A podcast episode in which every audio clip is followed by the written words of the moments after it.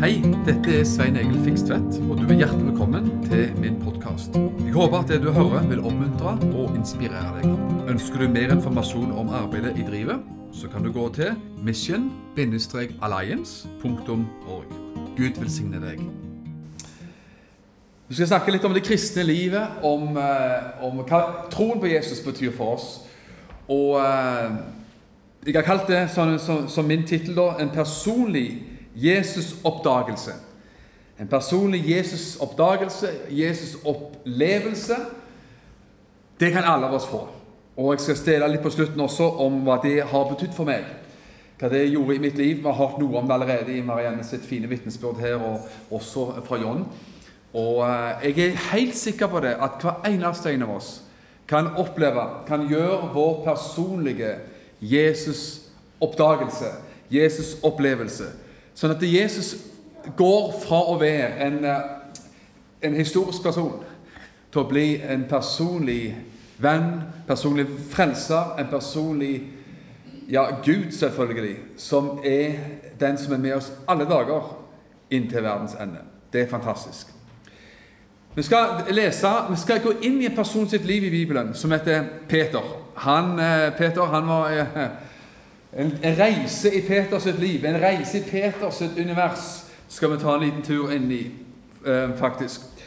Og vi skal først se på to spørsmål som først Paulus hadde. Paulus hadde òg en opplevelse av Jesus. Sånn, litt oppvarming med Paulus, og så er det Peter som gjelder. Og så til slutt så er det Svein Egil, da. Så får vi se hvem som, hvem som gjør det best. Ok. Paulus han ble en kristen, da Paulus ble frelst han, Paulus var en religiøs fanatiker. Han eh, forfulgte de kristne.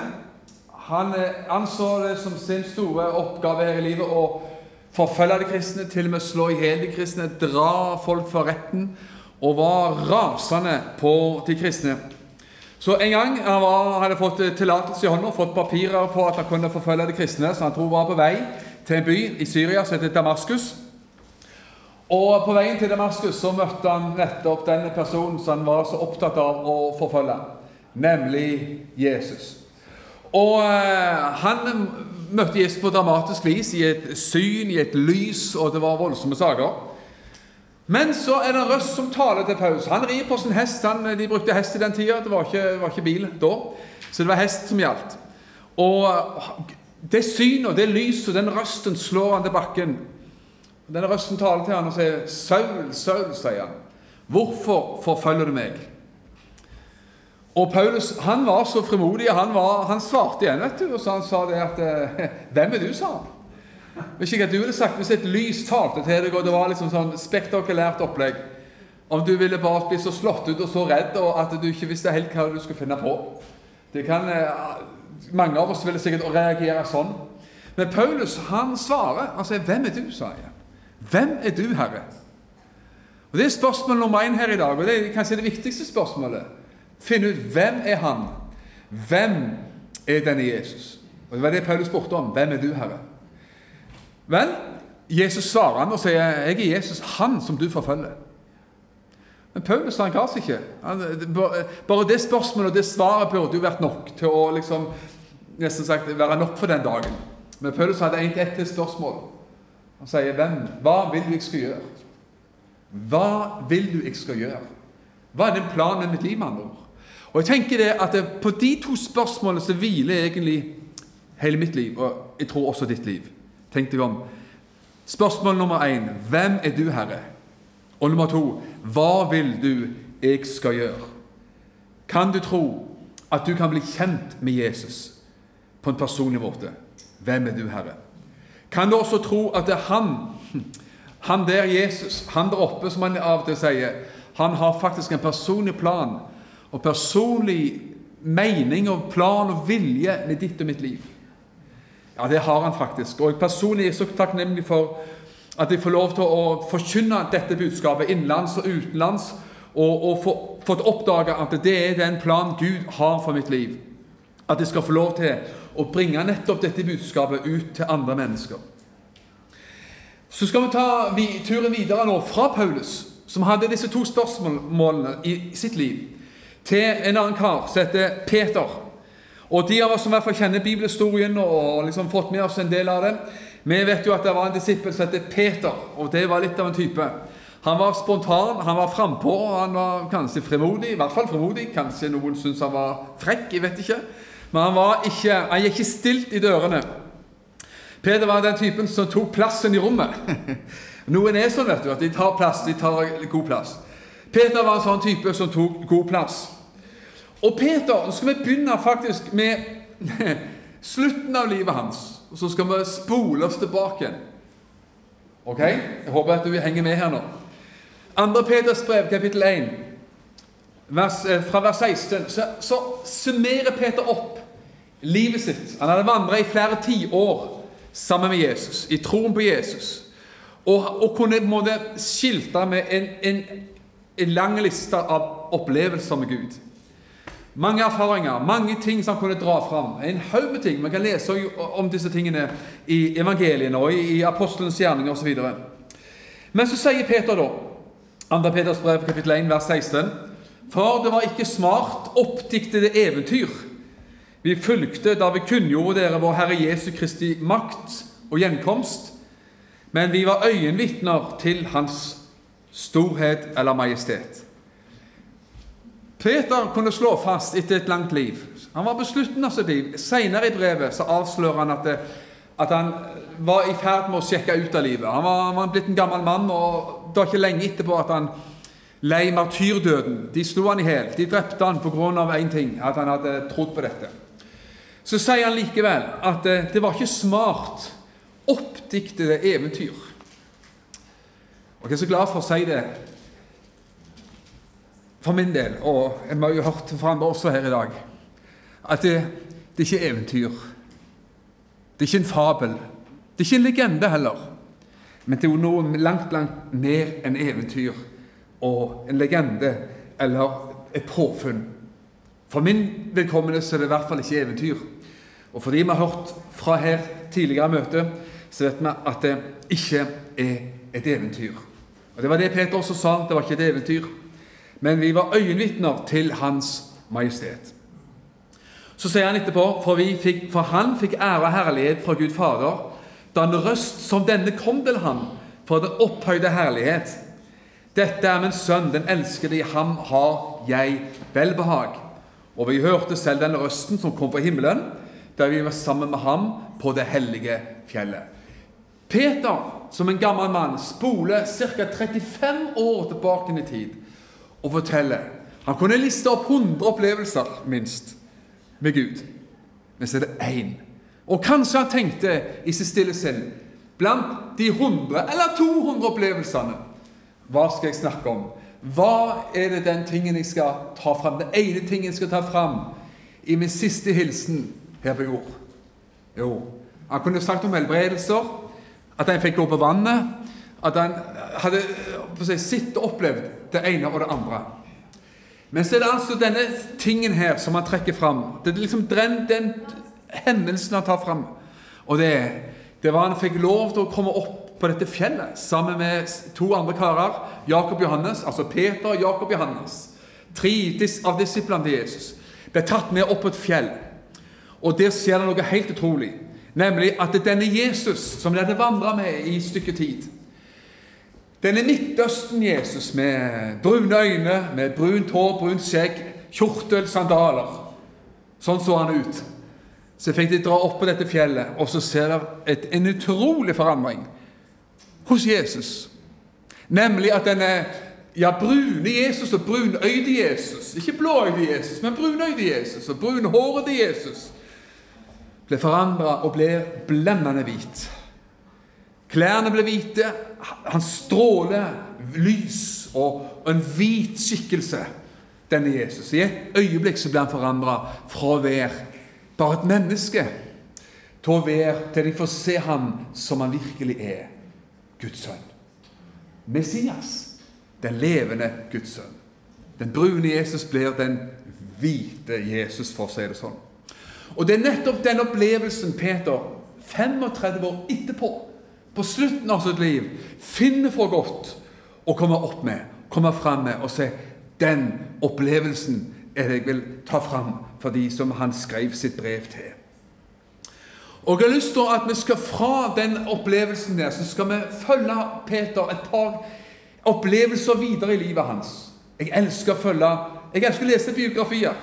Jeg elsker å følge med og få oppdage en persons troshistorie, trosreise. Og I dag har vi hørt en liten trosreise her fra igjen Marianne, som var så fin. Og alle av oss har jo en troshistorie, en reise gjennom livet på et eller annet vis. Og Her skal vi gå altså til Matteus 17, i den grad du følger med i Bibelen her og følger med på det. Så, men hvis ikke, så hører du det uansett. Den opplevelsen med Peter som skulle være så totalt forandrende, sjelsettende i livet hans. Og Da er vi nettopp der som, eh, eh, og går inn i den opplevelsen som Peter snakket om, som vi allerede har hørt litt om. Matteus 17 fra, fra vers 1. Seks dager deretter tok Jesus med seg Peter, Jakob og hans bror Johannes og førte dem opp på et høyt fjell hvor de fikk være for seg selv. Og han ble åpenbart for dem. Hans åsyn skinte som solen, og hans klær ble hvite som lyset. Og så står det flere ting om at de også fikk se Moses og Elia der. Og så hørte de en røst til slutt, der en røst ifra himmelen sa at han her, dette er min sønn, den elskede, hør ham. På det fjellet, sammen med to andre av sine gode venner, Jakob og Johannes, så fikk de se hvem Jesus virkelig var. Og gjett om jeg skulle ønske for hver eneste en av oss, og gjett om jeg har den lengselen alltid, at alle mennesker måtte få oppdage Jesus sånn som han virkelig er. Åh, ja, det er mange av oss her i dag som kan si det at det, det gjør jo forskjellen.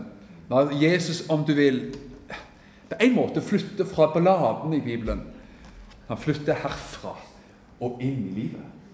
Flytter fra en historiefilm, eller fra en barnebibel, eller fra Bibel, voksenbibelen, eller en flanellograf fra søndagsskolen, til at han blir noe enda mer mer personlig i våre liv. Han flytter på en måte fra bladene, fra historieboka, til han blir den han ønsker å være i våre liv i dag. Vet du hva? Den oppdagelsen, den åpenbaringen, ja, det må jeg bare si at jeg unner hver eneste mann, ung, gammel, mann, kvinne, hvem som helst, i livet sitt. Han fikk oppdage, Denne Peter fikk oppdage Jesus sånn som han virkelig er. Og Jeg har lyst til å stille et spørsmål her nå. Hva gjorde denne opplevelsen med Peter? Ja, vi skal utvide det også i samme slengen her. Hva har den opplevelsen gjort med deg og meg? Vi har hørt litt om det allerede. Hva gjorde denne Jesus-oppdagelsen, denne Jesus-opplevelsen, hva gjorde det med Peter? Denne fiskeren som en gang opplevde kallet for Jesus. Da han sto en gang med faren sin og med broren sin, og de sto og bøtte garn og rensa garn etter fiskefangst. Så kommer denne Jesus forbi og bare sier to ord. 'Følg meg', sa han. Følg meg. Og spontan og lydig og radikal som Peter var, så slapp han det han hadde i hendene. Slapp garnet, og så fulgte han Jesus fra den dagen av. Hva gjorde denne oppdagelsen med, Jesus, med Peter når han fikk se Jesus? Bli blendende hvit på fjellet. Jo, en stund siden etterpå så, sier, så spør Jesus disiplene sine. Da var de tolv stykk, hele gjengen. Og Peter spør tolv disipler. Han sier, 'Folkens', sier han. Hva sier folket der ute i gatene? Hva sier folket der ute i samfunnet om hvem menneskesønnen er? Jesus ville vite liksom hva folkehavet sa om ham. Hva sier de? Hva, hva oppdagelse eller hva oppfatning har de om meg, sa Jesus. De ville vite hva, hva, hva, de tenkte om denne Jesus. Den radikale Jesus som gikk rundt og syke, og, og, som var så fantastisk og provoserende for mange. Så svarer disiplene ja, vi har hørt at noen tror at du er en profet fra Gamletestamentet som har eh, stått opp igjen fra de døde og kommet igjen tilbake igjen i en ny form og fasong og skikkelse. Noen sier, sier profeten Jeremia, noen sier Jesaja og Elia. Så drar de fram liksom den ene og den andre, som har liksom kommet tilbake igjen. De trodde tydeligvis på reinkarnasjon og litt av hvert. Eller oppstandelse fra de døde, trodde de i hvert fall på. Men Jesus stoppet ikke der. Hadde, Jesus hadde to spørsmål. Hva sier folket der ute om meg? Ja, en profet som har kommet tilbake igjen. Men Jesus stoppet ikke der. Og vet du hva? Jeg tror at Jesus stopper ikke der i dag heller. For vet du hva han sa? Til de tolv. Men hva sier dere, sa han. Nå har vi hørt hva alle der ute i gata sier, alle ute i samfunnet, alle ute på torget, hva, hva de sier. Men hva sier dere, sa. Og det har du Peter igjen, vet du. Han tok alltid ordet først. Alltid frampå. Og da er det Peter sier igjen, sier han, du Du er Messias, den levende Guds sønn. Han visste svaret. Hvorfor? Jo, Jesus sa det. Jesus, Jesus svarte etterpå. Peter, dette har ikke du lært av noe menneske. Dette har ikke kjøtt og blod fortalt deg. Dette har ikke du hørt fra gata engang. Dette har ikke du hørt fra en bibelskole. Dette har du ikke lest i avisa. Men dette har min far åpenbart for deg. Og jeg tror at Jesus sikta til oppdagelsen, opplevelsen på fjellet som hadde vært et stykke tid før. Og Peter han hadde vært der og hørt røsten fra himmelen som sa du er Messias, den levende Guds sønn. Og når Jesus en eller annen tidspunkt seinere sier 'Men hva sier dere?' Da visste Peter svaret. Jo, det vet jeg veldig godt, sa Peter. Du er ikke hvem som helst. Du er ikke en profet fra Gammeltestamentet. Du er noe bedre enn som så. Du er noe mer enn som så. Du er den levende Guds sønn. Du er Messias, den levende Guds sønn. Han fikk åpenbart hvem Jesus var. Hva forteller denne historien oss? Jo, den forteller oss at Peter ble gjennom oppdagelsen av hvem Jesus var, så gjorde det Peter trygg og frimodig. Kan du se det? Han var frampå. Han var ikke nølende, han var ikke usikker lenger. Nå var han der, han visste, han kunne rekke opp hånda eller Han gadd ikke rekke opp hånda engang. Han var ikke høflig engang. vet du. Han heiv seg frampå og sa 'Du er Messias, den levende Guds sønn'. Han var trygg. Han var fremodig på hvem denne Jesus var. Amen. Vi skal få en opplevelse til fra Peters. Vi skal ta, vi skal ta historien videre. I Johannes 6 i Bibelen så ser vi igjen at Jesus han var tøff vet du, av og til. Utfordrende. Jesus har nettopp gjort eh, eh, metta 5000 mennesker med to fisker og fem brød. Det, da, har du, da har du gjort det. Da har du gjort det bra. Da har du multiplisert mat, gjort et under for mennesker. Og så, Det var jo fantastisk. Og vet hva som skjedde etterpå? Johannes 6 står det så tydelig. Etter det så syns folket i tusentalls at det var kjempetøft å følge Jesus. Det var kult og tøft å følge Jesus. Og det var det de gjorde i tusentalls. De fulgte Jesus og tenkte dette var jo tøft. Matunder. Vi får mat. Vi får gratis mat. Vet du hva Jesus gjorde? Snudd, en vakker dag så snudde han seg til folkemengden. Og vet hva han sa? Dere følger meg, sier han. Fordi dere fikk mat. Dere følger etter meg fordi dere har fått mat. Ikke fordi dere har sett et under. Ikke fordi dere har sett hva jeg virkelig kan gjøre på andre områder i livet. Men dere følger deg meg fordi dere får mat, fisk og brød. Så. Og sier det på min måte, da, men les kapittelet og se at dette stemmer. Og så sier Jesus noe viktig til disiplene sine, og til folket. Han sier, 'Arbeid ikke for den mat som forgår, men for den mat som består'.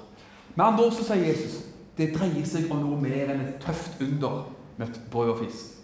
Er du enig i det? Det er godt med litt mat. Det er godt med nystekte vafler og kaffe på, på, på kirka. Har man gjerne ikke det i disse koronatider, men det, det, er godt med både kake og vafler. vet du. Men det, det er noe mer enn kaker, vafler og kaffe. Jesus sa det er noe mer. Og så begynte Jesus å snakke til folket om at dere må, dere må tro på meg på dagvis.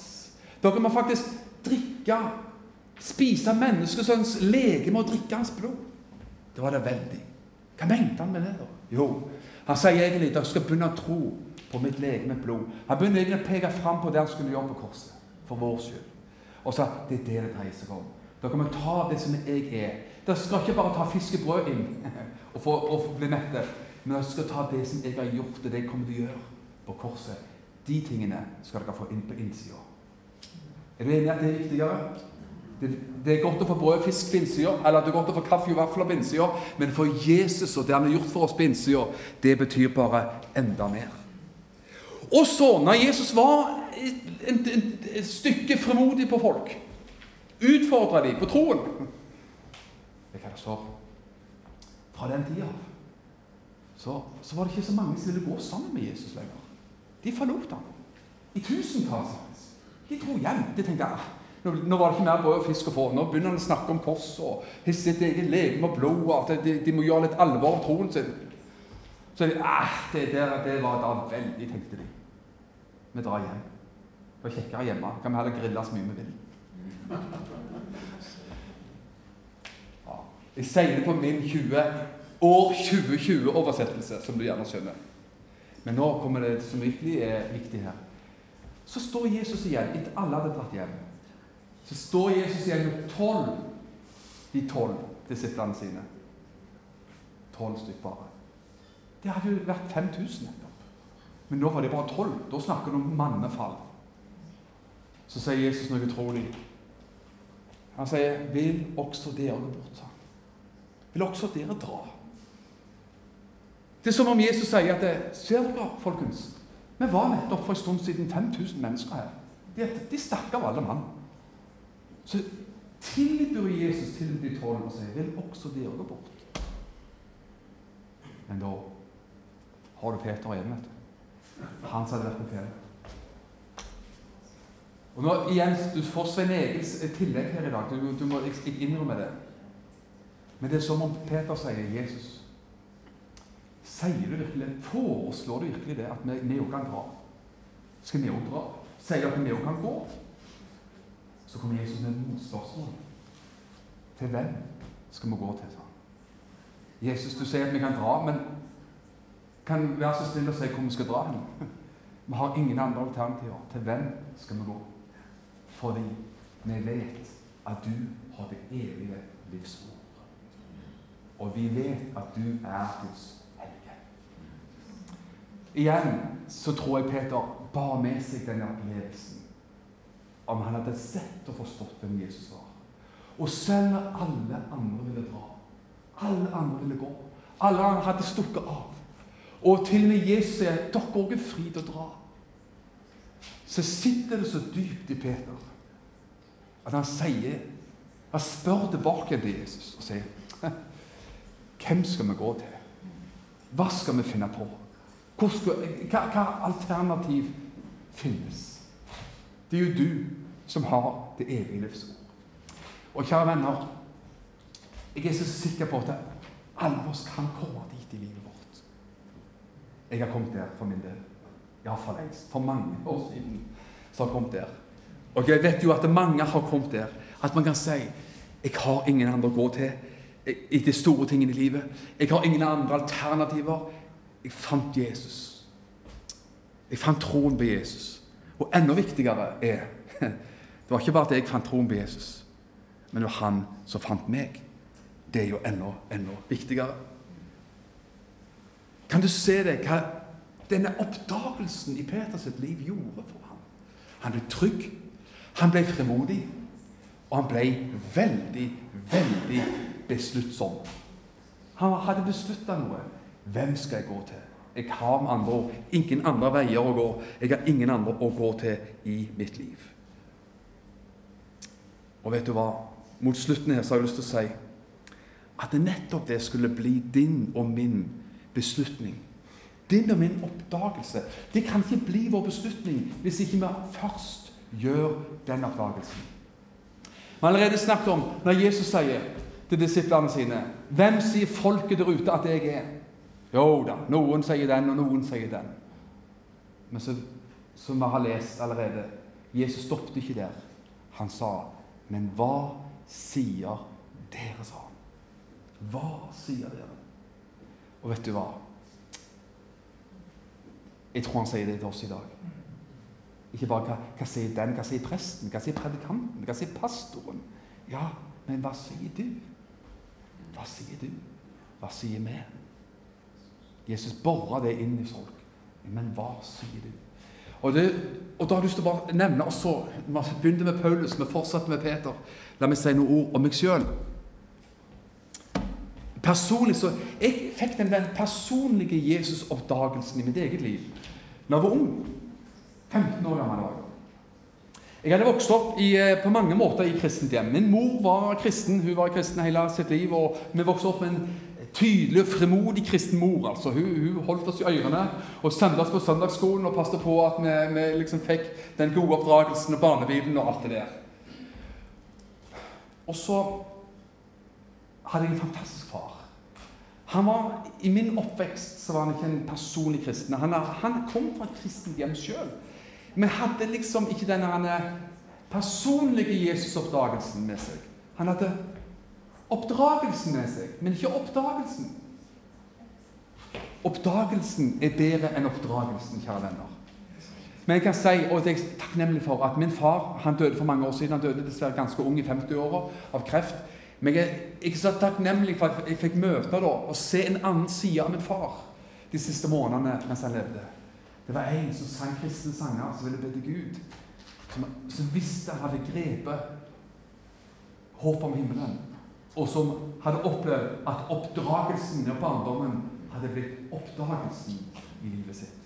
Og kunne, Jeg vet jo det, at jeg skal få se han igjen en gang. Det, det syns jeg er fantastisk opp. Men jeg vokste opp altså med en, måte, på mange måter en kristen familie. En kristen mor, en far som var kristen og hadde troen. Og hadde oppdragelsen, men ikke helt oppdagelsen på det tidspunktet. Men og vokste opp med søndagsskole og menighetsliv på mange måter. Men da jeg var tenåring, vet du, så var det ikke kjempekult å være en kristen. Det må jeg bare innrømme. 13 år, 14 år, 15 år. Noen ler vet du, når de hører det. Det var ikke, det var ikke liksom det tøffeste det kunne være. Og jeg syns det var andre ting som trakk mer. En periode. Men så hadde jeg denne mora mi da, vet du, som ba. Ba og ba og ba og kikket opp og ba. Og vet du hva, jeg er takknemlig da til å kunne si at det faktisk så udramatisk som det var, så satt jeg hjemme på soverommet, barne, gutterommet, da, 15 år gammel, 1981, en høst, og ba en enkel bønn til Jesus og sa, 'Herre, det er du jeg vil ha. Jeg vil ha deg i mitt liv.' Jeg ba noe sånt. Jeg husker ikke ordrett.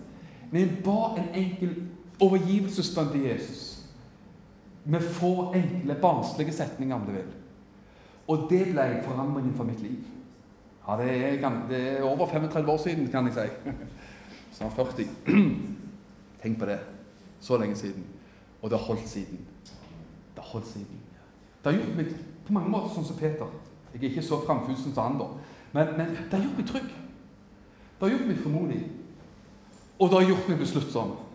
At det er så mange ganger ved veikryss som har jeg tenkt så eksakt Til hvem skal jeg gå til? Til hvem skal gå til? Jeg har faktisk ingen andre å gå til. Ingen andre å tro på. Ingen andre alternativer som sådan. Og det er mitt hjertes bønn, og det er mitt hjertes ønske for du som er her i dag, at du skal få oppleve det samme. Det som jeg har opplevd, kan du oppleve. Det som Peter opplevde, kan du oppleve. Det som Paulus i Bibelen opplevde, kan du oppleve. Det som Marianne fortalte om, det kan du oppleve. Det som John her har snakket om og delt med oss både, både i dag og før også, det kan du oppleve. Ja, det fins for hver eneste en. Og vet du hva? Det er ingen som ser oss der vi er sånn som Jesus. Han ser din bakgrunn. Han ser om du har god bagasje, dårlig bagasje, gode opplevelser, dårlige opplevelser. Han ser alt. Og ingen som han kan finne deg presis der du er i ditt liv akkurat nå, og hente deg opp og hente dem fram og si jeg vil tilhøre, jeg, jeg, Vet du at Jesus sier det? 'Jeg vil tilhøre deg', sier han. Vil du tilhøre meg? Jeg vil tilhøre deg, vil du tilhøre meg? Og Det er så viktig at vi kan få lov til å tilhøre Jesus i livet vårt. Skal vi be sammen?